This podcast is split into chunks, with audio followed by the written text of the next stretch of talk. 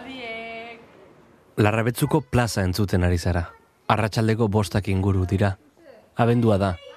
Eta hemen jarri dugu 2000 eta hogeita biko azken anfitrioiarekin itzordua. Kaixo. Ondo, banator herrira da. Ba, itzi ditxura musika entzuten hola, hola. Ez. Ondo zu? Zerkaro. Bueno, ontxe. Vale. Gogoakin, azkenengo barruan gaude urtengoa, así que... Ah, bitu, ze ondo. Bai, bai. Vale, eskerrik asko, bai. Ba, plazan bertan bizi naiz, Ah, hementxe. bai. Azken barruan gaude da. Aurtengo azken barruan gaude. Eta hogei etxe dira honekin bisitatu ditugunak. Plazerra izan da zu beste aldean egotea entzule. Eta espero dut, gaurko etxean ere, elkar entzunaz disfrutatzea. Lagun batek esan zidan, berak e, neska izango zuela jakin zuenean, ba, beldurtu zela, eta niri kontrakoa e, gertatu zitzaidan. Ba, sentitzen dudalako, e, baliabide gehiago ditu dela. Nire alaba ahalduntzeko, seme bat e, dese, desera ikitzeko baino, ez? Hmm. Osa, e, e, errazagoa, osa, nik badakit zer egin, uste dut badakidala zer egingo dudan, Bai. nire alabak eraso bat bizi baldin badu. Baina jak, jakiten badut nire semeak eraso bat eragin duela, oza, horrekin zer egin dezakezu, ez? Edo, edo nola landu zure semearekin, edo zer egin ikusten baduzu, ba, bere maskulinitate eredua superbortitza dela, niri ere ama bezala, ez? Errespetua, mm, e, oza, errespetu falta daukala nirekin, ez? Orduan bai, ez dakit. Saiatuko naiz, ba, hori, ez? Nire alaba ahalduntzen. Bueno, obrak dauz, baina uste dut gaur ez dela tokatzen zaratarik, e, e, goiko pisuan. Bueno, zaratak ongi etorria dira. bai, da, ambiente, gauden, ezta? bai, bai. Claro. Eskerrik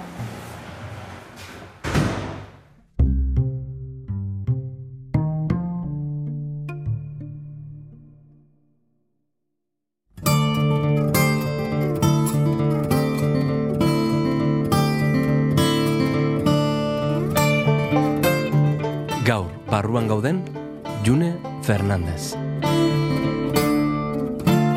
Ba, askotan daukagun imaginarioa dela, ba, emakumeok e, kontu zer nahi ibili behar dugula kaletik, bortzatzaile bat aterako delako, gau ez eta, eta bar, eta askotan, ba, ba, bueno, ba, adibidez kontatzen nuen kasu bat, e, nire lagun batena izan zen, e, institutuko mutil bat gustoko zuen, berarekin enroiatzen hasi zen, eta tipoak bortzatu zuen. Osea, ez, zituen errespetatu bere limiteak eta behartu zuen, ez? Ba, praktika jakin batzuk izatera.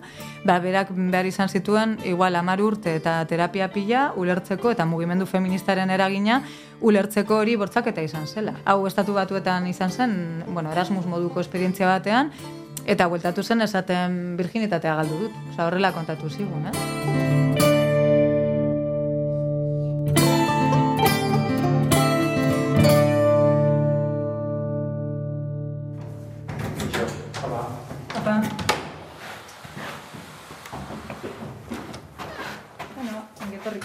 Eskerrik asko. Bueno, hemen goxo, goxo, eh? bai. Alde harrean, eh? Jarki. Bueno, ikusiko dituzu bi presentzia oso fuerte. Bai?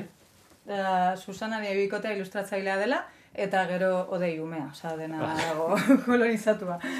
Hor, dragoi bolan E, pelkua. bai.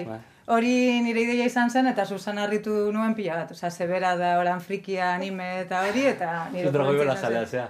Bueno, txikitan bai pixka, banintzen, bai. bai, bai. Bai. Zube bai, imaginatzen dut, ez, eske- belaunaldiagatik. Bai, bai, hortxe, hortxe, bai, bai. Bai. Gure txikitako marrazki bizidunak izan Hori da, bai. Earki, earki. Eta zer, zein da dinamika? Erakutsiko Bueno, dizutetzea, las. ba, ez, a ber, eh, guazen topatzera mai bat eh, daiteko. Vale, Bai. ba, Ba. izan daiteke dozu kaldean. Etxera sartu eta egongelarekin egin dugu topo. Piano bat dago paretaren alde batera eta korridoreak zeharkatzen du etxea. Lehenik sukaldea eta gibelean bulegoa. Lantokia. Gure txere horrela gauden da, eh, gerra bat pase alde pasa balitz bezala, da. Ah, ba, gaur superordenatu. Bai. bai, ez ba, hori. Ez da, uste dut. hostailuak eta... Bai, bai. Eta Bai. marra- marrazkilariaren zeari ez? Eh, Bai, Txokoa. Eta hori ilustrazioak daude e, izkina guzti. Ederki. Vale, ba, sukaldea. Bai, ez da? June Fernandez kazetaria da. Feminista queerra. Eta militantziatik baino ezin litek irakurri bere ofizioa.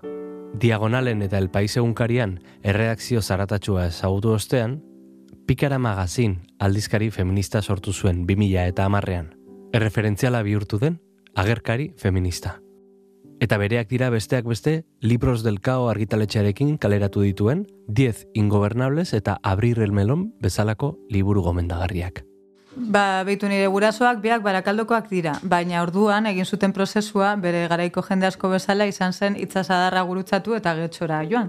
Ba, ez, e, bueno, niri edo, ba, bizi modu, eros, bueno, ez dakit, ba, garaian ez, e, egiten dut irakurketa, holan, klase aspirazio baten modukoa edo, ez? Orduan getxo hasi nintzen, eta gero nire gurasoak banandu zirenean, e, berangora joan ginen, gertu-gertu. Eta hortik mungira, zei urtero aldatu nahi zetzez, Hortzaroan, orduan nik ez daukat e, sustrairik edo, oza, asko kostatzen zaite esatean ongoa nahi zen. Bai. Nola, zerbait, zuk uste zu eragindu zugan sustrairik ez izat horrek?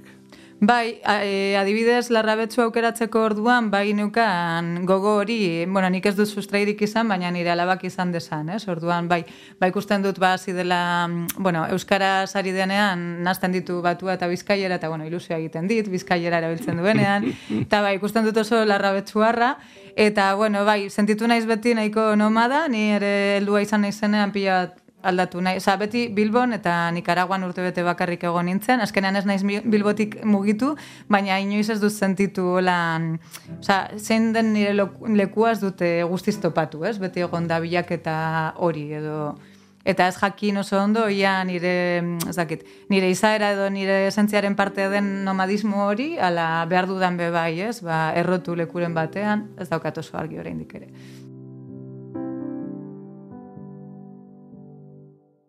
Handiko bezala, hemen dikara, ibili da June Fernandez, modu errarian. Eta iriak ezagutu ostean, herri txiki batean amaitu du, larra betzun. Garai, ba, garai batean herri, herriak lotzen ziren e, tradizioarekin, ez? Horein igual aldatu da hori? Buf, e, nik uste dut kapa asko daudela, jo, la, larrabetsu bezalako herri batean hori kapa desberdinak daudela eta eta konplexua dela, ez? Irakurketa oso simple bat izango litzateke, e, bertokoen artean badagoela tradizioaren defentza hori eta kanpotik etorri garenok e, garela progreagoak, osea, ez, iruditzen zait hori izango litzatekela, ba hori, ez? E, e, irakurketa oso pobre eta dikotomikoa. Orduan, adibidez, e, nik parte hartu dute zutunik talde feministan, eta hor ba gaude, ba, bertoko eta kanpoko jendea, eta oza, ez dago inolako... Zakit, e, batxutan egia da, e, bertoko jendea nola baiteko disidentzia batean kokatu denean, baskotan behar izan du kanpora joan, irira joan adibidez, hor e, aldun du, ez, alduntze prozesu bat bizi, gerora herrira hueltatzeko, ez, hori bai ikusi dut hemen eta ikusi dut beste leku askotan. Irietara joatea eskatasun baten bila, akaso, ez, Bai, baina, bueno, uste dut hori, gero eta jende gehiago ere hori hausian jartzen duela, eta gazten artean ere, bueno, ba, batzuk joaten dira, eta beste batzuk defendatzen dute, ba, nahi dutena izan nahi dutela hementze bertan. Eta bestetik, adibidez, nire familia iritarra da, eta, ba, adibidez, sexu disidentziarekin, ba, jarrera nahiko txarra izan du. Orduan horregatik askotan ditugula eskema oso simplistak, ez? Edo bas dakiz herrialdetan uste duzu imaginatzen duzu jendea izangoa dela matxistagoa, homofoboagoa eta uste dute realitatea dela askosa ere konplexuago eta ezin dela horrela simplifikatu. Hmm. Bai. e, soinua da gure bidea barruan gauden bai. etxetara sartzeko eta historioa kontatzeko.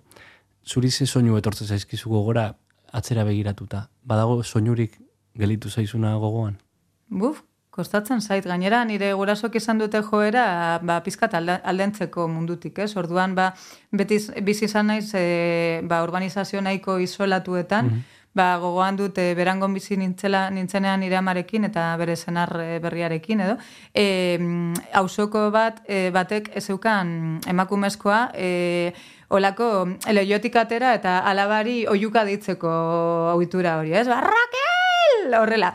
Eta nire amarantza zen pizkat, goma, ze gusto txarrekoa edo, ez? Ba, nik maite nuen hori. Iruditzen zitzaidan, ba, zaki, super autentika, eta bai, orduan hori, ba, usoko, ez? Hori galdu duguna. Horein WhatsApp bat bidaltzen dugu, eta lehen, ba, e, hemen plazan bizi garagu, plazan bertan, eta fantasia hori izan dut, ez? Ba, lehiotik atera, balko iratera, eta odei! Etorri etxera. Etorri etxera, bai. Da, e, zer egiten duzu txutxeak jaten, ez dakit, bai, e, hori etortzen zait burura. Ta gero nire gurasoak bandan, banandu bai, baziren ere, biek egin dute prozesu berdina, eta izan da, ba, landa ere muan, er, herri super txikietan, etze super isolatu bat e, eraikitzea. Orduan, ba, soinuak baino, ba, hori, iziltasuna edo naturalen soinuak, baina nahiko, oza, ez dakit. E, managua esango anizu, ze zarata ekarriko zenuke?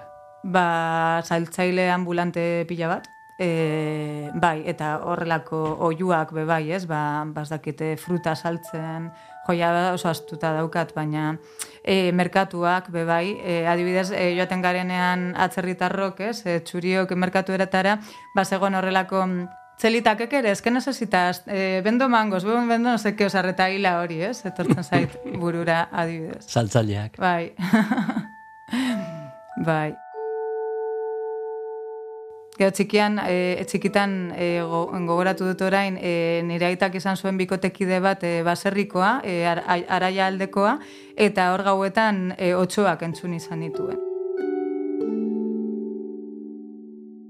Txikitan zer nahi zen izan handi e, bihurtzen? Jo, ba, bueno, ez neukan kriterio handirik. E, nik esaten nuen, hila paintzailea, dantzaria, oza, dantzaria, balet dantzaria, izan nintzen oso neskatila normatiboa do, baina, karo, gero atzera begira, adibidez nire amamarekin e, jolasten nuen irratzaioak grabatzera. Eta, bai, Eta gero egunerokoak idazten hasi nintzen oso txiki nintzelarik e, nire amaren senarrak e, portatil bat erosi zuen, zaniko hogeita mazortzi urte ditut, orduan ba, or, orain dela hogeita mar urte zen bat ere oikoa, ez, izatea ordenagailu bat etzean, e, baina bera ikertzailea zen eta eta erosi zuen. Orduan ba, erakutzi zidan e, ordenagailuan idazten, eta orduan oraindik ditut, hemen ditut imprimatutan, nire lehenengo egunerokoak e, zazpi sortzi urterekin, ez? Juneren eguna, e, kaixo, june naiz, e, ba, irugarren maila nago, nire lagunak irati eta oian adira, ba, alakoak, ez? Ta jarraitu nuen hiru urtez edo, e, bidai kronikak ere idazten dituen, ba hori, e, aita ordea ikertzailea zenez, ba, estantziak e, egonaldiak egin zituen estatu batuetan, eta eta nire ama eta biok joaten gine, eta junen New Yorken, eta, bueno, horrelakoak. Orduan bai ikusten dut, ba, bokazioa banuela, baina kasetaritza zen nire imaginarioan zegoen ogibide bat. Gero abokatua izan nahi nuela esan nuen, e, Ali McBill ikusten nuelako, eta beti izan nahi zelako hori giza eskubiden defendatzailea edo, Eta bai, osa, kasetaritzarena heldu zen institutuan, ba, literaturan idatzi bar genituelako iritzi artikuluak, eta hori ulertu nuen, ba, ba, bueno, ba, errestasun handia neukala edo, bai, hori horrelako testuak idazteko eta eta konektatu nuen kasetaritzarekin edo ez. Mm. Zan dezu, neskatia oso normatiboa zinelan. Bai. Noiz atera zinen normatik? bueno, nik, e, oza, agia da, ba, feminitatearekin eroso nengoela, agian umea zarenean, ba, beti kontra egiten duzulako, ez? Orduan nire ama zen makillatzen, eta nik makillajea maite nuen, edo zituen takoiak erabiltzen, orduan nik nire izekoren takoia jantzten dituen, ez? Ba, izan daiteke hortik, ez? Baina liberean, adibidez, desira lesbikoa, e, bat txikitatik. Osa, ez bakarrik desira, baizik eta erreferenteak bilatzen dituela, ez? Nire aitaren, nire aita musikaria da, berbenetako musikaria, eta txiki txikian nintzenean, bere, bere taldean egoten zena bezlaria, ba, lesbiana zen, bere bikotea zeukan, eta, osa, niretzat hori zen lilura moduko bat, ez? Eta daukat oso argi hori nire biografian musikan be bai, ba, mekano, ez? Ba, ez bakarri mujer kontra mujer, baizik eta Anato Rojak egiten zuela gizonaren papera, ez? Abesten zuenean, eta orduan, ba, Anato Rojak mm, esatea te dijenen dame un beso, y tu contestaste que no, ba, niri mugitzen zidan, pizten zidan zeo zer barruan, ez? Orduan, bai, uste dut, Ba, gero, nera benintzenean, flipatu nintzen drag queen batekin, oza, crash moduan, ez? Oza, beti erakarri e, naute, bueno, normatik kanpo dagoen jendea edo, ez? Beti bilatu izan dut hori. Hmm. Baina, momentu bat iritsiko da, hori e, norberak egitetik, ja, erakustera eta e, komplejoak kentzera e, Ja, niri jo, inbidia handian ematen didate gaur egungo nerabek, bueno, denetarik dago, ez? Hmm. Baina aukera izatea, baina nerabezarotik ba identifikatzeko edo arrotasun LGTBIa izateko, ez? Eta nire garaian, bueno, egia da laguntalde mungi, mungiko institutuan ikasi izan nuen, eta hor ba egin nuen laguntalde oso friki eta, bueno, arraro oso kuirra nola bait, eta baina ala ere, ba, iruditzen zait hori, ba, hetero araua hain zegoen sendo, e, nire inguruan, ba, dibidez nik irakurtzen nuen superpop. Ba, ba, zegoen konsultorio bat. Eta konsultorio horretan oso ohikoa zen galdera bat zen, e, e, jo, uste dut nire lagun binareki maite mindutan agoela. Eta erantzuna normalean zen desanimatzea, ez? Esatea, ez, banezken artean normala da, horrelako emozioak izatea, baina horrek ez du esan nahi lesbiana zarenik, ez? Hori zen oso tipikoa, ez?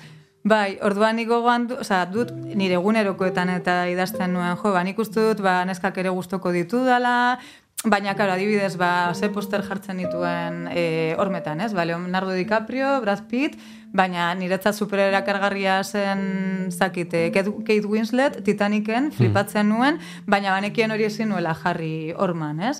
Edo patioan, eskolako patioan, ban neukan mutilagun bat, eta nire amak oroitzen du, berarekin ibiltzen nintzela ba, eskutik hartuta, ba, zei urterekin, baina gero nire amak ez daki, ba, nire eskalagunekin, ba, jolaz, ba, musukatzea, morreatzea horrelako jolasak egiten genituela, eta hori zen guretzat super sekretua. Osa, ba, genekien hori inork ezin zuela e, e jakin, ez?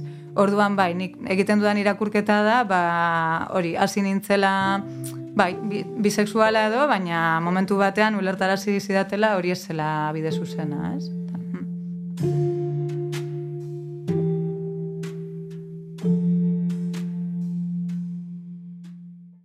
Egin dizan salto kasetaritzara. Ba, bueno, egia esan, ni el paisan hasi nintzen, baina mm, autonomo faltsua nintzen, egia esan, e, kolaboratzaile moduan hasi nintzen, aukera eman zidaten, astean behin e, unibertsitate gaiei buruzko e, horrialde bat e, idazteko. Baina gerora, bueno, ondo funtzionatzen nuenez, ba, pieza pila bat erosten zizkeaten, eta azkenean hori izan nire, nire lan bakarra, ez. Orduan, bai, animatzen dinduten erredakziotik pasatzera, baina oso lotzatia nintzen, eta mhm. orduan erredakzioan gainera oso maskulinitatua, oso maskulinitatua maskulinizatua zen, orduan ba, zerik, ba, demagun e, amabos gizon eta hiru emakume, eta hiru emakume horietatik ni gazte bakarra, ez? Mhm. Orduan, karo, momentu hartan oso arrotza egiten, egiten zitzaidan. Eta, bai, orduan ezin dut alderatu, ez? Ba, nolakoa izango den adibidez berria edo argia bezalako redakzio bat gaur egun, zanik bizi izan nuena hori nahiko arrotza egin zitzaidan, eta gero ba, komunikabide alternatibo baten ardura, ba, ba, bueno, ba oso emozionantea. Gaur justo beste elkarrizketa batean kontatu dut e, gizon batek, kasetari batek esan zidala, jo, zua ingaztea zara eta el, paisen hasi zara, orduan has empezado en primera división, no? Has entrado al periodismo en primera división. Orduan lan hori galdu nuenean, ba nire buruari esan nion, Jo, ba, e, si empezado en primera división, orain zer, descenso, ez? Ez daukat bestelako aukerarik. Orduan, bueno, ba, oso mm, harrigarria izan da, ba, ba, edabide propio bat martxan jartzea eta deskubritzea ba, li, e, bide hori badela ba, oso apasionantea, oso aberazgarria, eta, bueno, ba, kasetaritzarekin esperimentatzeko aukera eman digula, nola baitez.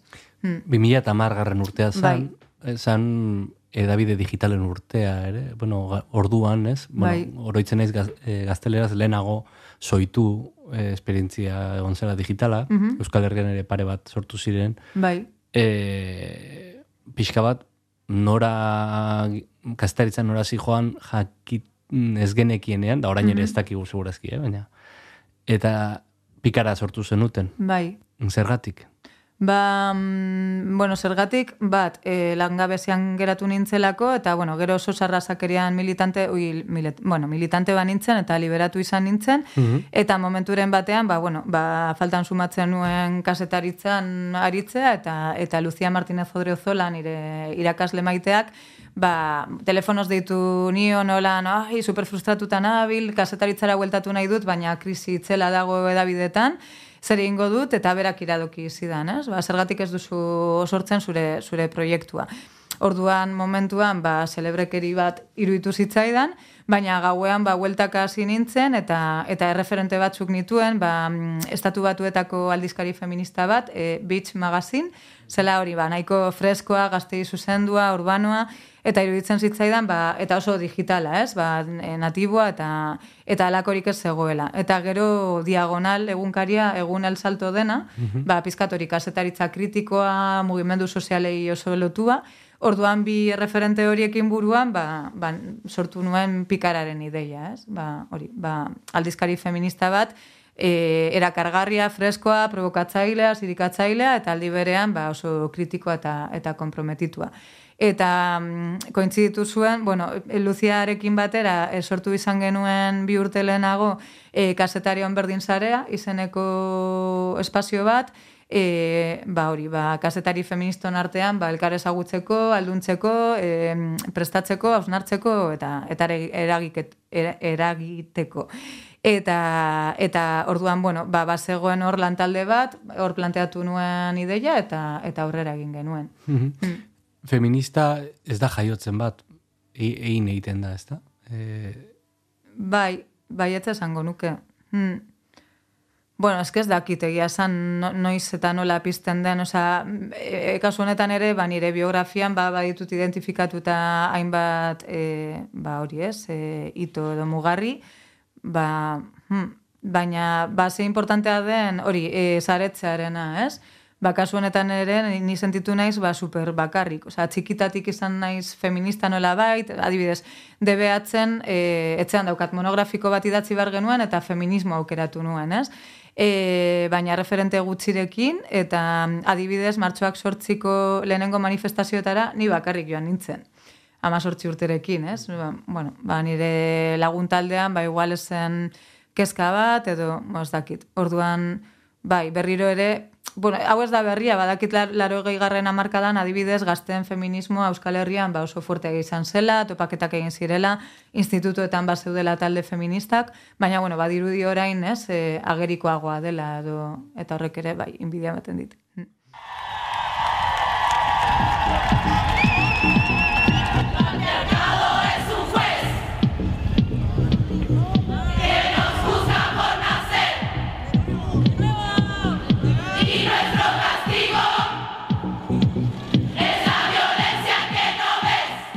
Olatu feminista bat bizi dugu azken denboretan. Aurrera pauso asko eman dira. Baina atzera ere egin daiteke. Ba, ikusiko dugu. Osa, bai, nik uste dut oso importantea dela, ba, kontutan hartzea, historiaz dela lineala, eta hori, esan bezala, aurrera pausoak ematen ditugunean, gero ere reakzio bat egoten dela, eta, jo, adibidez, orain, Iran, eh, salbizte dela, ba, gogoratzea, ba, irugita margarren amarkadan, Espainiako estatuan e, frankismoan murgilduta geundela eta Iranen emakumeak emakumeak askata, askatasun handiagoa zeukatela, ez? Orduan hori, ba, ba erne egon behar dugula eta eta etzigarria da nola bai, adibidez abortatzeko eskubidea, ez? Ba, adineko emakumeek esat, e, e, manifetan eta guztiatera dituztelako kartelak, ez? Jo, berrogei urte daramatzat abortatzeko eskubidearen alde borrokatzen, ez? Osa, pentsa. Orduan, bai, eta e, egun, ez dakit, batzutan zarantzak ditutia honi buruz hitz egin behar den, edo soilik esparru feministetan, baina orain daukagun fenomeno oso arraro bat da mugimendu feministaren, bueno, mugimendu, feminismoaren izenean edo sortu den korronte oso mm, transfoboa, e, bueno, ez dakit oso agresiboa, bueno, ez dakit hau asko zagutzen den, baina terf delakoak. E, Terfak, bai. bai. Galetu behar nizun horren ninguna. Mm. Orain justo bueno, elkarrezketa egiten dugu momentuan, bai. zezakigu noiz entzungo duen entzuleak, e, translegea e, aprobazio bidean da, ez? Bai, eskerak. Eta, mm. eta zerratik sortu du feminismoaren zati batean, ez dakit zenbaterainoko zatia da, baina zati batean horlako reakzioa horrek. Ba, nik uste dut hipotesi asko daudela eta ba, batek badu zer ikusia feminismoaren goraldiarekin, ez? Hau da, e, martxoak sortziko greba, greba historiko horietan, e, mugimendu feminista hori ba, bazen oso antikapitalista, antiarrasismoaren aldekoa, e, oso hori antisistema nola baitez. Orduan, iruditzen zaitez dela kasualitatea, ba, mugimendu feminista horrek e, zalantzan jartzen zituela botere egitura asko, ez bakarrik patriarkatua, holan bakarrik gizonak, baizik eta ba ez dakitetzeko langile garbitzaileen, ez, internen e, gaia adibidez, e, e, huelban e, marrubiak batzen dituzten, ez, e, temporeroenak, bueno, pila bat gai, eta orduan, e, e, ez dakit, e, erasoaldi transfobo honen e, protagonistak dira feministak oso akademik, oza, akademiakoak, e, botera daukatenak, e, alderdi politikoi lotuak, orduan, sentitu dutela haien estatusa galdu dutela edo haien hegemonia, ez? E, feminismoan, oza, jas direla referenteak, baditugulako bestelako referente teorikoak, ba egiten dutenak analizi integralagoa, edo ez dakite azaltzen ari naizen. Bai, bai. Hau da, e, haien planteamendua da, bari, zapalkuntza bakarra dela, e, gizon, gizon emakume horretan, ez? Eta planteatzen badugu ba arazoa badela kapitalismoa eta badirela ba transnazionalak eta badire, badela lan erreforma eta hori etzeko langileen egoera, bueno, pila bat gauza, ba badirudi hor ez daudela eroso eta sujetu gehiago sartzen baditugu hor e, eta bueno, osea, niri iruditzen zait izan dela modu bat e, kalean gertatu den iraultza hori desaktibatzeko, ez? Azkenean, ba, ahuldu egin gaitu, egon dira e, martxoak sortziko asamblada pila bat boikoteatzen, Orduan hori izan daiteke, gero bebai izare sozialen dinamikak elikatuta. Osa, hau ez da esizio bat, esan nahi dut, hau ez da mugimendu feministatik atera dela korronte transfobo bat, baizik eta bapatean agertu dela peña bat, feminismoaren izenean, e, transfobia aletzen, ez? Eta hori, bueno, nahiko larria da, erreportaje bat egin nuen argiarako, interesa baldin baduzue, ba, translegearen inguruan, eta hor ba eskatu nian e, iritzia e, Euskal Herriko elkarte feministei, Eta, bueno, gehien gehienek argi daukate, ba, genero autodeterminazioa dela aldarri feminista bat. Eta azkenean, ba, transpertsonak, oza, transpertsonek bizi duten zapalkuntza dela, ba, emakume estransek, estransok bizi dugun zapalkuntza, bueno, ez berdina, baina erroa berdina dela, ez? Eta, bai, oza, bai, hori. Hm. Jendarteak bideratu gaitu zuria labeltzera, ez? Jaio garenetik, eh, gizonezko emakumezko, ez? Eta oso arau eta rol definituetara, eh? Mm Ni hor barruan kokatzen naiz adidez, ez? Konsiente naiz orain, ez? Ba, ostras, zergatik horrela, eh? Zergatik egin dugu aurrela, zergatik dauzkat dauzkadan lagun hauek, mhm. zergatik mm -hmm. dakat dakadan kodarrila, zergatik nire kodarrilan ez dago emakumerik, mm ez? Emeretzi gara eta ez dago emakumerik. Mm Eta hori, dana, dana dago bideratuta e, horretara, baina realitate asko ere gehiago daude, ez? Eta ematen du, e, e, zure burua aragoitatik kanpo kokatzea, ez dagoela oso ondo ikusia, ez? Edo ez dela izan premiatua, eh? Bai, Justo, bueno, e, hau grabatzen ari garen aste honetan lagunduko dut Mer Gomez, izeneko ikerlari eta kasetari bat bere liburuaren aurkezpenan, bere liburua ditzen da La, La Rebelión de las Llenas, eta da e, pertsona intersexualei buruzkoa. Orduan, bueno, pertsona intersexualak e, jendeak azkar ulertzeko bada e, e, hermafroditismo giza ez, e, izendatu dugun hori, berez hermafroditismoa ez da asistitzen, baizik eta asistitzen dena da gorputz eta sexuan iztasuna. Ez? Orduan, adibidez ez da egia, ba, emakume guztiok ez ditugu XX kromosomak, badaude XY edo XXY kromosomak dituzten emakumeak, badaude emakumeak ba, barruan umetokia eta eta obarioak izan ordez ba, e, barrabilak dituztenak barrutik, osea, e, eta gizonekin berdin, ez? Edo e, ume bat jaiotzen denean aur txikia, ba, batzutan, osea, ikusten bada bere sakia txiki egia dela edo klitori handiegia eta ez dakizu orduan zer den hori, ez? Klitoria edo, edo, edo sakia. Orduan hor aktibatzen da, orain arte aktibatu izan da, ba, protokolo mediko bat enkajatzeko gorputz hori bi, bi kategoria zurrun horietan, ez? Orduan hori izan zen pikaran 2000 eta margarren urtean e, publikatu nuen lehenengo mm, erreportajea, zera niño niña, eta gai hori niretza super importantea da, ez? Ba, askotan, bueno, eta transfobiaren gaiarekin ere zer ikusia dauka, ez? Basaten denean, ez, ba, emakume izatea edo gizon izatea dela egitate biologiko bat, ezke hori ez da egia, osea, e, errealitatea asko zer komplexuagoa da edo nola dakit nik ze testosterona maila daukadan, ez? Ba, iletsu egia nahi, balin ba naiz emakume izateko, ba oso obsesionatuta egongo naiz, ba inorez jakiteko bizarra daukadala, ez, hilea daukadala ez dagokidan parteetan, ez, Orduan, bai, iruditzen zait, ba, hori, e, adibidez, intersexualien nahi patu dut, ba, e, transak ja e, ikusgaiak direlako, intersexualak oraindik ez, eta, bueno, Mer Gomez e, da hori aldatzeko prozesuan dagoen ekintzaile bat, ez? Eta, por cierto, bera ezagutu nuen, Diezin Gobernables liburuaren e, aurkezpenean, ba, liburu horretako protagonista bat badelako emakume intersexual bat. Hm. Diezin Gobernables, amar bai. gobernezinak, ez? Bai. liburu hortan, eh, lehen aipatzen izun, divertigarria egin zait, enere aurre juzkuak e, desmontatzea, ez? Mm Irakurtzen nuen enean. Persona bat ezagutzen nuen enean, azten naiz modu batera irakurtzen, gero e, aurkezten didazu beste fazeta bat, eta pixkanaka nola ezagutzen dituan realidade oso ezberdinak, ez? Normalean eskutatuak daudenak, e, e, ez dira representatzen, ez? Edabideetan. Bai, hori zen asmoa, eta mm, bai, azkenean, bueno, liburuko protagonistak oso anitzak dira, eta e, anistasun, zakit, hildo desberdin agertzen dira, ba, zakit, e, eh, LGTBIa izatea, lodia izatea, e, e, ba, badago emakume bat kubakoa, e, mestizoa dela, ez? E, oza, txuriaz dena, eta gainera, e, bisexuala da, marxista, eta gainera, ba, gorputzosoko azala dauka erreta, ez? Orduan, bueno, ba, egiten du gogo eta, osa nolakoa den, ba, emakume izatea, ba, kanon estetiko horiekin e, apurt, e, apurtuz, ez?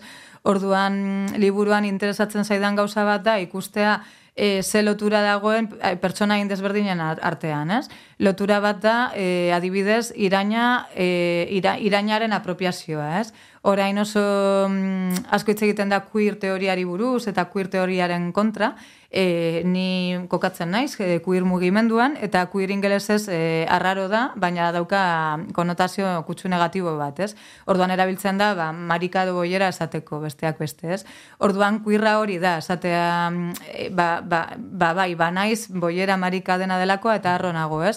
Orduan liburuan agertzen diren pertsonek hori egin dute, ba izan, adibidez, Juanita Márquez e, da tipo bat katalana, e, Marika luma izugarria zeukan, eta orduan institutuan berari izeka egiteko, bulina egiteko, banita, e, Juanita banana deitzen zioten, ez? Eta egun berak, oza, joan deitzen zen, deitzen da. Eta orain berak, e, Juanita e, hartu du izen artistiko gisa, ez? apropiatu egin du. Baina hori bebai egiten dute, ba, emakume lodiek, ez? E, lodifobiaren kontra borrokatzen duten emakumeek ere, ba, esatea, ba, bai, lodinago eta eta zer, ez? Ba, arazoaz da nire gorputza, osea, transek ere esaten dute, ez? Ez da nire gorputza e, erratuta dagoena, baizik eta zure begira da, ez? Eta sistemaren e, arauzurrunak. Ba, hori ere esaten dute, adibidez, emakume lodiek, ez? Orduan hori paralelismo horiek ikustea eta bestea denek edo gehienek aktivismoa erabiltzen dutela, haien mina edo bizi izan duten zapalkuntzari zentsu bat emateko eta eta horren bidez ba, eragiteko, ez? Eraldatzeko. Mm. Osa, bai, trauma bilakatzen dute, ba, borrokarako akuilu edo, ez? Kanon estetikoak aipatu dituzu, bai. eta e, zuk momentu batean hilea harrapatu zenuen. Bai. keinu, keinu gisa, edo bai. ere, ez? E, mm. kontatu zerratik, eta nola izan zenura? Bueno, besterik gabe oso tipikoa da hori, ba, pizkat feminismoan zaudenean eta heteroa zarenean, ba, da horrelako erritual moduko bat, ba, gainera eske funtzionatzen du, eh? E, ba, lagun bat fanzine bat egin zuena eta kontatzen zuen e, e, rapatzeari buruz, bai. eta kontatzen zuen, ba, rapatzen denean ez duela sexu jasarpenik bizikalean, adibidez. Osa, matxiruluek ez gaituzte gustoko antza, rapatuak e, goazenean, ez? Orduan, aldiz, e, askotan, ba, giro lesbikoan, ba, gehiago ligatzen duzu, ez? Orduan, bai, izan zen, ba, modu bat esateko, bueno, ba, eraikia izan naiz, gizonen begiradako erakargarri izateko, horrekin apurtu nahi dut, e, sartu didate, ba, liraintasuna dela balore goren bat, eta beldur naiz agian itxusi egongo naizen, ba, konfrontatuko dut beldur hori, bueno, horrelakoa. Eta agia da, ba, pikaran kontatu nuela, eta hori izan dela nire artikulurik biralena, e, ia, e, regetoiarekin batera. E, si no puedo perrear, no es mi revolución. Egin aldizut hori, ilustratzaileen bizita bat edo gidatu ah, bai, bai. bai. Gainera, Zakazue kolekzio bat, ez? Bai. arte kolekzioa. Martin Fernandez bilduma. Bai, ezke nire bikotekidea Susana Martin irudigila da, bueno, komikilaria da, bai. egin du Fermin Muguruzaekin Black is Beltza, bai, bai, bai, Eta orduan, jo, egia da, apikara magazinean hasi ginenean, e, testuak bakarrik zaintzen genituela eta irudia edozin modutan lantzen genuela. Hori, ba, baitu, hemen sukaldean daukagu Kristina Buenoren ilustrazio bat, eda ume bat e, sukaldean igota, bai. da oso irudi samurra. Hau da, hemen, Kristina Bueno, bai, Kristina Bueno guri begire egon da. Gero, bueno, hemen pasilloan daukagu odei gure umearen artelan bat. nor daki, hemen urte batzuta. Bai, e, egon gelan piano ondoan, Alberto Muriel, da e, Bilboko ilustratzaile bat, eta Bilboko paisai oso politak egiten ditu. Hau izan zen Susanari egin nion opari romantiko bat, e, direlako justo, ba, gure maitasun historioan zentralak izan diren irugune, ez? Eta dira, bueno, abandoko trena, Bartzelonatik etorri zelako trenez e, nirekin egotera, e, La Mercezeko subia, eta e, bueno, e, arropazke egitzeko Bilbon erabiltzen ditugun aterki erraldoi horiek, ba, katalan bat entzat super exotikoak direnak, ez? Bueno, gero hemen ode, e, Susanak egin duen bineta bat, odeirekin, eta da, bueno, familian iztasuna adierazten duen benetazko...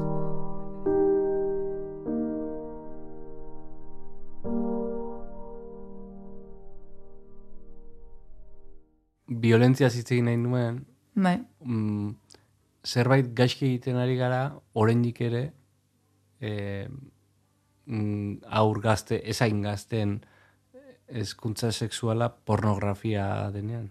Eta pornografia badakigu e, ze, ze, ze terminotan izan hori den, ez? Ja, bai, e, A ber, alde batetik, oza, bai, egia da, eh? eta ba, ez, ez dakitia guk zeo zertzartu egiten ari garen, edo errealitatea da, e, sexuazik eta programa ausartak e, egiten direnean, ba, berrirore agertzen direla erreakzio kontzerbadoreak, ez? Adibidez nola ditzen da, Nafarroako programa hori, bakizu zein esaten bai, dudan? Bai, e, orain aterako. Bai, bai, aterako zaigu. Bueno, hori da, super referente, super punteroa, edo bai. gogoan dut, porno, ai, beste egitasmo bat egon zen, porno eskola edo lako zeo zer e, gazteizen, ideia zela, e, pornoa erabiltzea, hain zuzen ere, ba, ikasleekin ikusteko eta ausnarketa kritikoa egiteko. Eta hori ere boikoteatu egin zuten, ez? Orduan egia da, ba, bueno, nik uste dut bai sexuesik eta lantzearen beharra argi ikusten dela, baina gero ezke familia kontzelbadoren elkarte hauek edo abogados kristianos edo dela, dela delakoek ba, boikoteatzen dute pila bat. Eta bestetik ala ere, oza, a ber, ulertzen dut, badibidez, e, amar urteko seme bat balin badukazu eta porno ikusten badu, ba, alarma pizten du, baina iruditzen zait, e, sexualitatearen errepresentazioa dozein telesaietan oso fuertea da. Oza, e, nik ez dakit goratzen, breaking bat, adibidez, goratzen duzu breaking bai. bat, e, protagonistak bortzatzen du bere, bere mastea. Edo adibidez nola ditzen da um, estatu batuetakoa um, alkaedaren rolloarekin superfamot. Mm. Homeland. Homeland. Homelanden protagonistak bortzatzen du bere makumea. Eta bortzaketa horiek supernormalizatuak ditugu. Orduan niri gehiago eh, kezkatzen nau, normalizatua daukaguna. Osa, azkenean, pornoaren kontra egiten denean, feminismoaren izenean, ba, uste dut askotan egiten dela bebai puritanismotik, ez? Ba, adibidez, regetoia, ba, super e, kezkagarria iruditzen zaigu, ba, mar urteko neskak egotea perreatzen, ez? Baina uste dut hori, nazten zaigula, ba, bueno, kezka feminista bat, hipersexualizazioaz dakit zer, e, puritanismoarekin, hmm. bai. Hmm. E, aipatzen duzu ere bai, e, artikuloan izenen bai. gogoratuko orain, baina bortxaketa e, asko e, inguruan gertatzen direla, ez? Bai. Ezagutzen dugun jendearekin, e, laguna, lagunekin askotan, eta ez direla azalera ateratzen, e, ba ez direlako denuntziatzen, bai. ez? Bai, hori esan zen, bueno, idatzen nuen, e, oza, esan dut biralenak igual, barrapatzearen eta perrero, perreoarena, baina uste dut, bueno, nire karreran e, importanteena izan den nolabait zarituena eta izan da hori, ez? E, jo keria sexo, pero no hasi, ez? Hori da. Hori, eta hori kontatzen du, ba, askotan daukagun imaginarioa dela, ba, emakumeok e, kontu zer nahi bili behar dugula kaletik, bortzatzaile bat aterako delako, gau ez, eta, eta bar, eta askotan ba, ba, bueno, ba, kontatzen nuen kasu bat e, nire lagun batena izan zen e, bere bortzatzailea izan zen, oza, a ber, e, amazortzi, amazazpi, amazortzi urterekin, e, institutuko mutil bat gustoko zuen, berarekin enroiatzen hasi zen, eta tipoak bortzatu zuen. Oza, ez, zituen errespetatu bere limiteak eta behartu zuen, ez? Ba, praktika jakin batzuk izatera. Ba, berak behar izan zituen, igual amar urte eta terapia pila, ulertzeko eta mugimendu feministaren eragina, ulertzeko hori bortzaketa izan zela. Osa, bera itzuli zen, hau estatu batuetan izan zen, bueno, Erasmus moduko esperientzia batean, eta bueltatu zen esaten virginitatea galdu dut. Osa, horrela kontatu zigun, ez? Eta eta orain hori oraindik ere gertatzen da edo ta bueno, bat, beti badirudi gazteekin hitz egiten dugula, e, osea jartzen dugula hor harreta, baina helduen artean hori ba, eskontza, osea eskonkiden artean pentsatzea senarrak eskubida daukala sexua sigitzeko edo zakit. Bueno, en gauza pila daude normalizatuak. Horregatik Gero bestetik, iruditzen zait, azken urteotan, e, parranda ere muan gertatzen diren eraso sexistak, ba, asko oso ikusgai egin direla, eta bueno, mugimendu feministak salatzen ditu, baina nirik eskatzen hauena da horrek e, bueno, feminismoan erabiltzen dugun termino bat da ikara sexuala, ez? Adibidez, nerea barjolaren liburua gomendatzen dut, e, alkazer e, kasuari buruzkoa, Eta mm, iruditzen zait, ba, karo, irratian adibidez, egunero, e, e, albistea baldin bada, e, sexu eraso bat zalatu dute, ez, ez daki, zarauzko jaietan, e, biharamunean beste sexu eraso bat zalatu dute, ba, horren ondorioa zer izango da, ba, beldurra. Eta zer nahi du patriarkatuak? Ba, beldurra, elikatu, ba, gu kontrolpean izateko, ez? Tasistadekin, ja, oza, izan da pasada bat aurten. Orduan super egiten zait hori nola e, salatu eta nola, oza, nola salatu baina salaketaren ondorioa ez izatea hmm. ikara hori indartzea, ez? Zu guraso bezala e, beldurra e, sentitzen duzu? Ba, bueno, orain gozaz, nire umeak iru urte ditu, e, bai, orduan, klar, iru urterekin adibidez sexu abusuak e, izan mutil edo neska, ba, ematen dira, oza, eman daitek, daitezke ez, E, e, dena den, adibidez, e, lagun batek esan zidan, berak e, neska izango zuela jakin zuenean, ba, beldurtu zela, eta niri kontratko e, gertatu zitzaidan. Ba, sentitzen dudalako, e, baliabide gehiago ditu dela, nire alaba alduntzeko, e, seme bat e, desera ikitzeko baino, ez? Mm. Osa, e, e, errazagoa, osa, nik badakit zer egin, uste dut badakit dela zer egingo dudan. Bai nire alabak eraso bat bizi baldin badu. Baina jakiten badut nire semeak eraso bat eragin duela, oza, horrekin zer egin dezakezu, ez? Edo, edo nola landu zure semearekin, edo zer egin ikusten baduzu, ba, bere maskulinitate eredua superbortitza dela, niri ere ama bezala, ez? Errespetua, mm, e, oza, errespetu falta daukala nirekin, ez? Orduan, bai, ez dakit. Zaiatuko naiz, ba, hori, ez? Nire alaba alduntzen. Hmm. Mm zuri tokatu zaizu e, jarrera bortitzik e, kalean edo, edo e, jaian egon zarenean? Bueno, emakume guzti hoi, bai. mm. emakume guzti hoi, bai. Oikoa da. Bai, claro, bai, bai. Mm.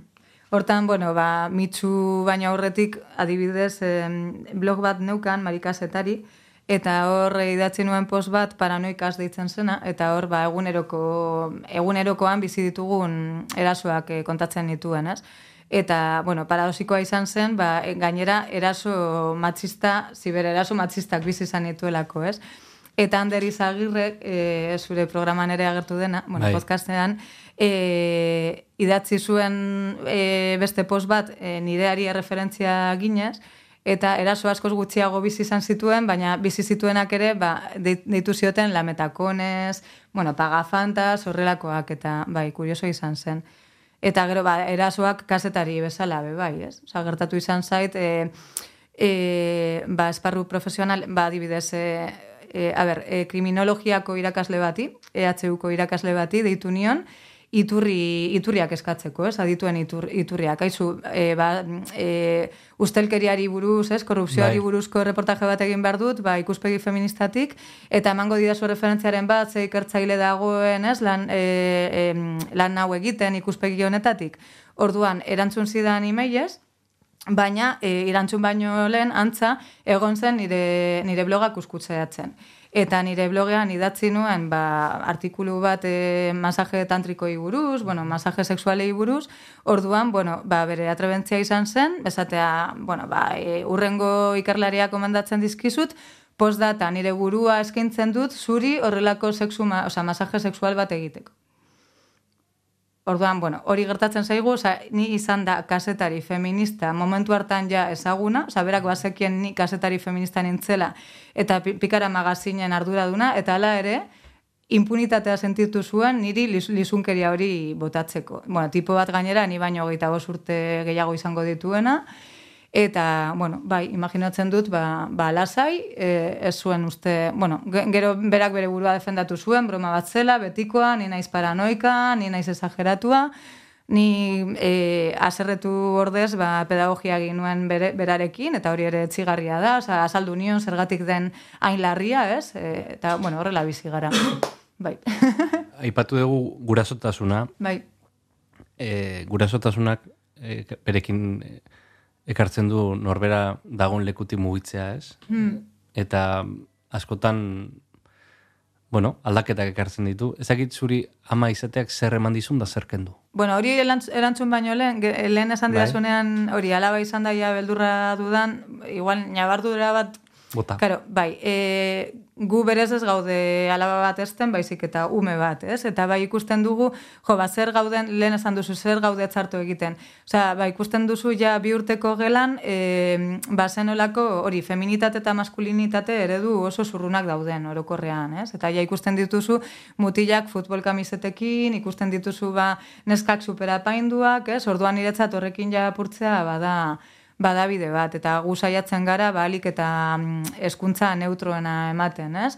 E, hori, bueno, hori, eta ber, amatasunak zer eman eta zer kendu. Ama izan nintzen pandemia garaian, bueno, mm. pandemia hasi zenean, konfinamendu hasi zenean, nire umeak elau bete zituen, eta mm, ba, adibidez, deskubritu dut e, frustraziorako e, gaitasun gutxi daukadala, ez?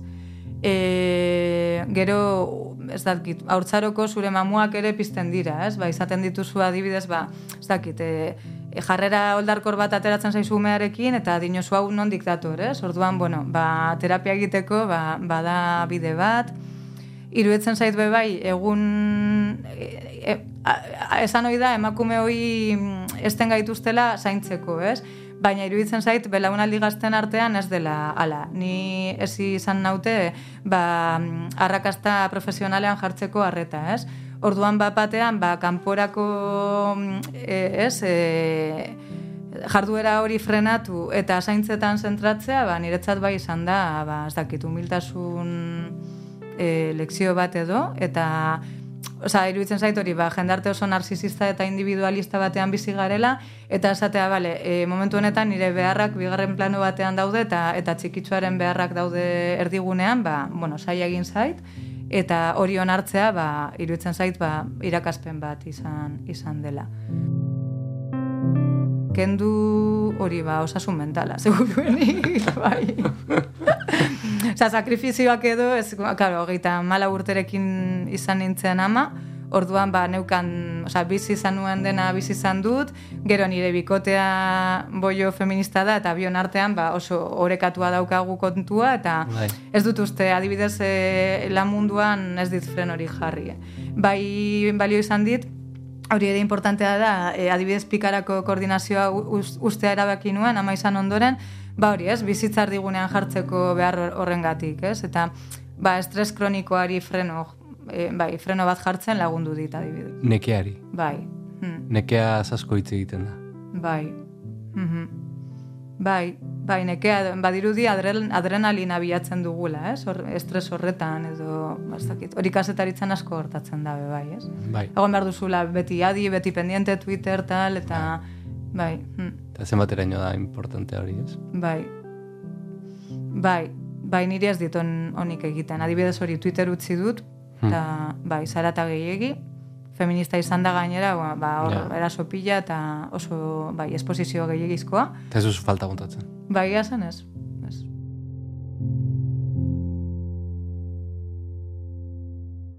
Noiz gerturatu zinen euskerara? Ba, mm, beitu, lehen esan dudala, ezke hor frenatu izan naiz, porque no venia cuento, baina txikitan identifikatzen dudala, txikitan nintzela e, ume bisexuala eta elebiduna, esan behar nuen, ez? Mhm. Orduan nire ama euskaldun berria da, eta txikian nintzenean euskaraz egin zidan, bueno, sortzi urte beten nituenean, ba, arrazoi desberdinen gatik, ba, bueltatu zen gaztelaneara, ez? Bai. Orduan nire ingurua, ba, nahiko erdalduna, do, bueno, hori galdu nuen, nola bait, eta izan nuen gainera, oza, nire burua hemendik kanpo proiektatzen nuen, orduan e, ereduan ikasi nuen, baina unibertsitatea ja gaztelaniaz egin nuen, ez? Bai. Zortzi urte arte, Euskaraz egin zizun amak, eta bai. gero gaztelaniaz. Bai. Ara? Bai, ara. Arraroa, eh? Bai, eta patriarkatuarekin zer ikusia dauka. Bai, ze, ah, bueno, bai. bere bikote berriak ezekien euskaraz, eta dezeroso zegoen, eta, bai, bueno, eta, eta, a ber, egon zen desideologizazio prozesu bat, oza, bueno, edo ber ideologizazio prozesu bat, ba, kabin itxikian nintzenean, ba, nire ama euskaltzalea zen, giro abertzalean ibiltzen zen, eta gerora, ba, esango dugu, ba, beste muturrera pasa zela, eta orduan, ba, bueno, ja zeukan kontzientzia hori, orduan, bueno. Eta zu ere urrundu zinen euskaratik?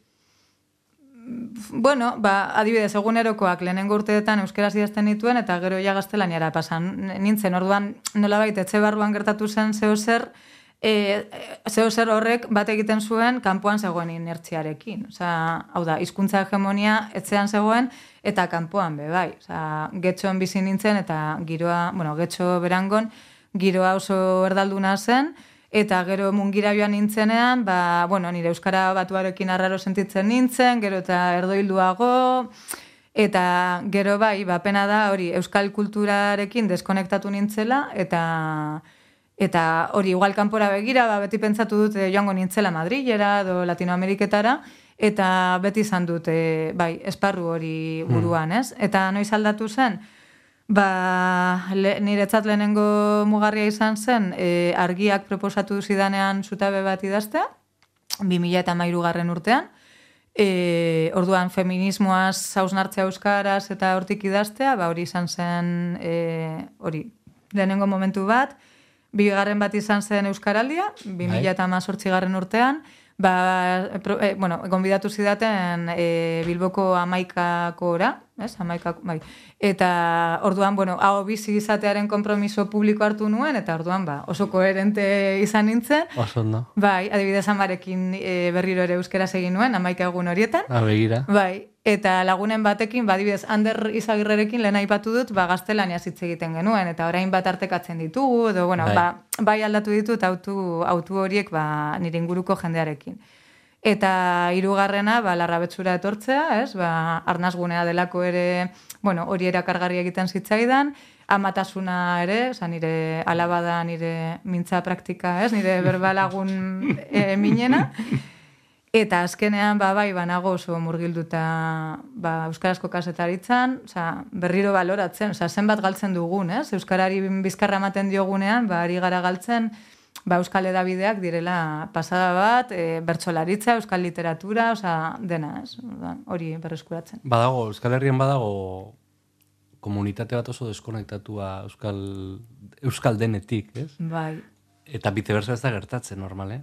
Ez. Eh, hori Kuriosoa da, eh? Bai, bueno, ba, karo, botera harreman horren, ez? Bai. E, e, isla, adibidez, e, usua alberdi elkarrizketatu nuenean, bai. bueno, niretza zen, zan, marabila, zelako orea, iruditzen zait, bueno, ba, daukagun intelektual oso oso potente bat, nire inguruan kontatu nuen, eta asko ez zuten ezagutzen usua alberdi. Ta, bai. Mm. Horrela da. Bai. Mm.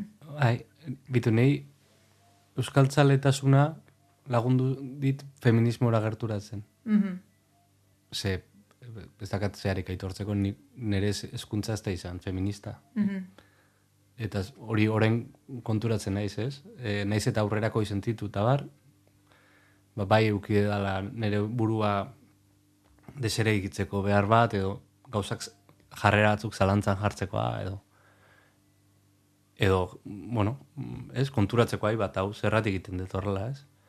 Eta lagundu dit euskaltzaletasunak, ze, karo, euskaltzale, euskaldun e, paperean e, zapaldua naiz, ez? Mm -hmm. baina gizonaren paperean zapaltzailea. Mm Eta horre, hortik gauza asko hausnartu ditutela, hori, zentsazio hori daukat.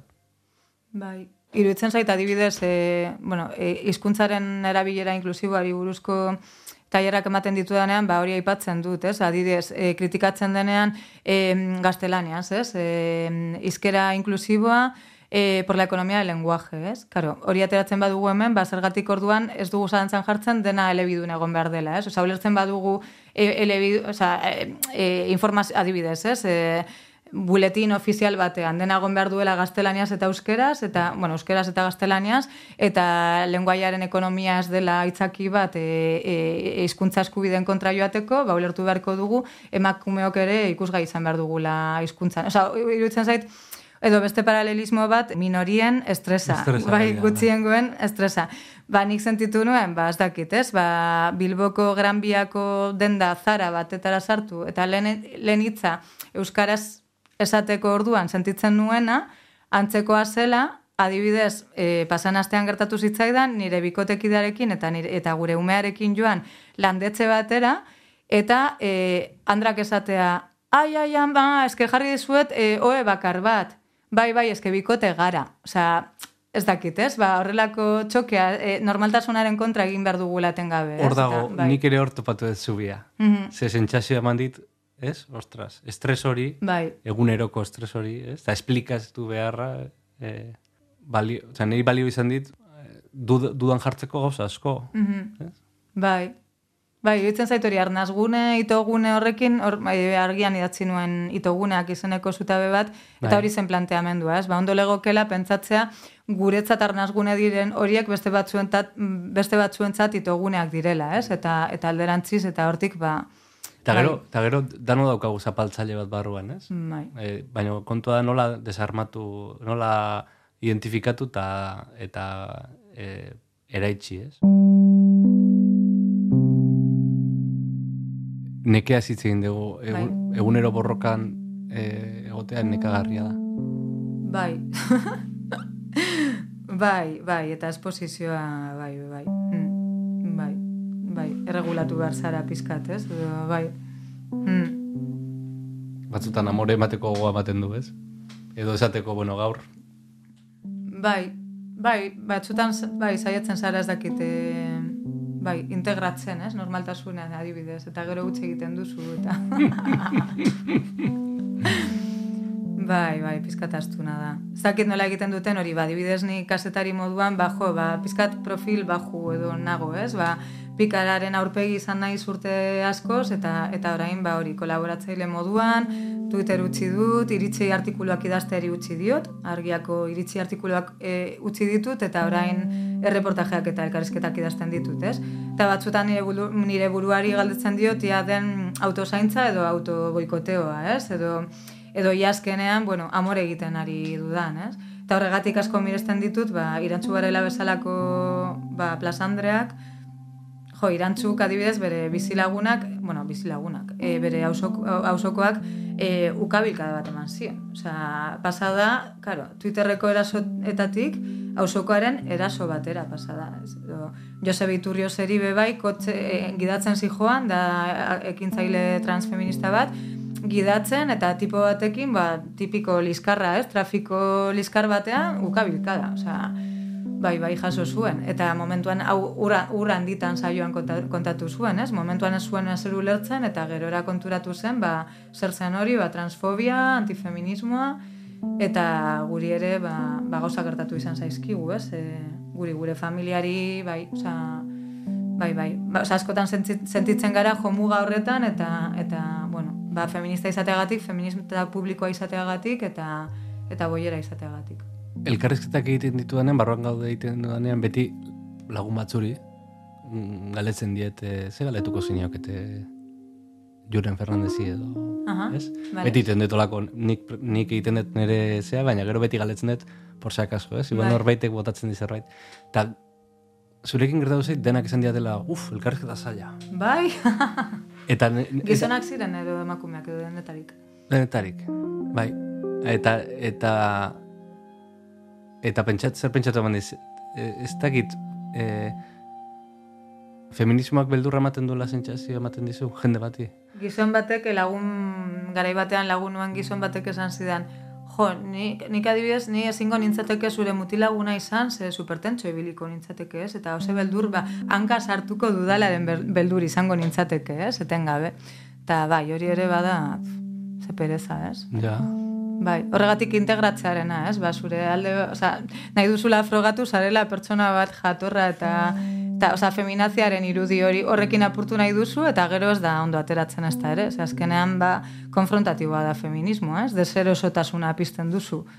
Orduan bai, oza, ni oso diplomatikoa naiz eta saiatzen naiz beti hori, ez? Ba, atsegin izaten jendearekin, asko kostatzen zait amorua dieraztea adibidez, edo bai asko kostatzen zait pertsona bat bere lekuan jartzea, edo hori kaletik adibidez e, bota didatenean gauzaren, ba, oza, horrelako basakeriaren bat, ba, kostatzen zait aurre egitea, eta ala ere, ba, dagoen irudia da, jo, ez, ba, hmm. keinpongo, eta...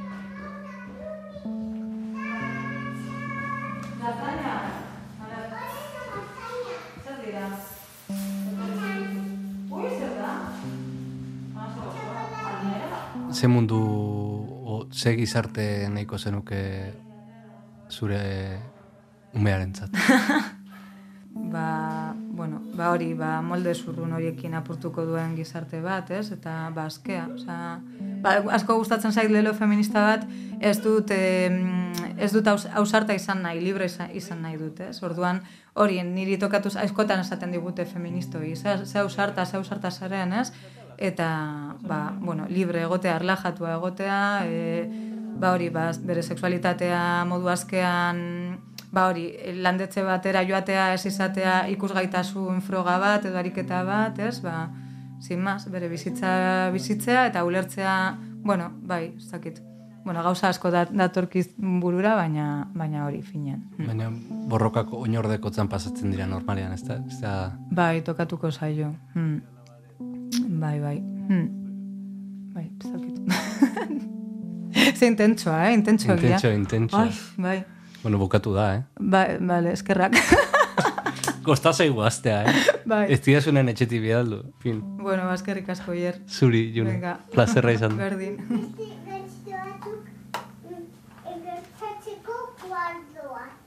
Kuadroak eskeritzeko? Bai. Ah.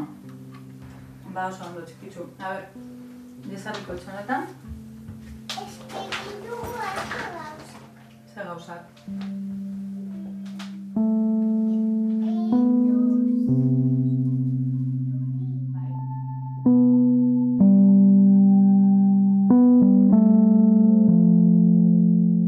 Amaitu dugu aurtengoz barruan gaude. June Fernandezen etxean amaitu ere. Dagoeneko irurogeita bederatzi dira bisitatu ditugun etxeak, ezagutu ditugun personak, eta plazerra izan da zurekin une guzti hauek partekatzea.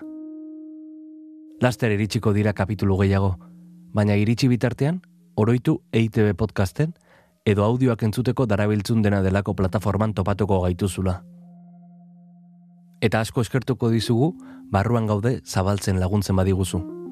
Sare sozialen bidez, edo zuzenean zure lagun edo maite bati gomendatuta lagundu gure familia geroz eta handiagoa egiten. Tira besterik ez, bezarka deztua eta datorren etxer arte.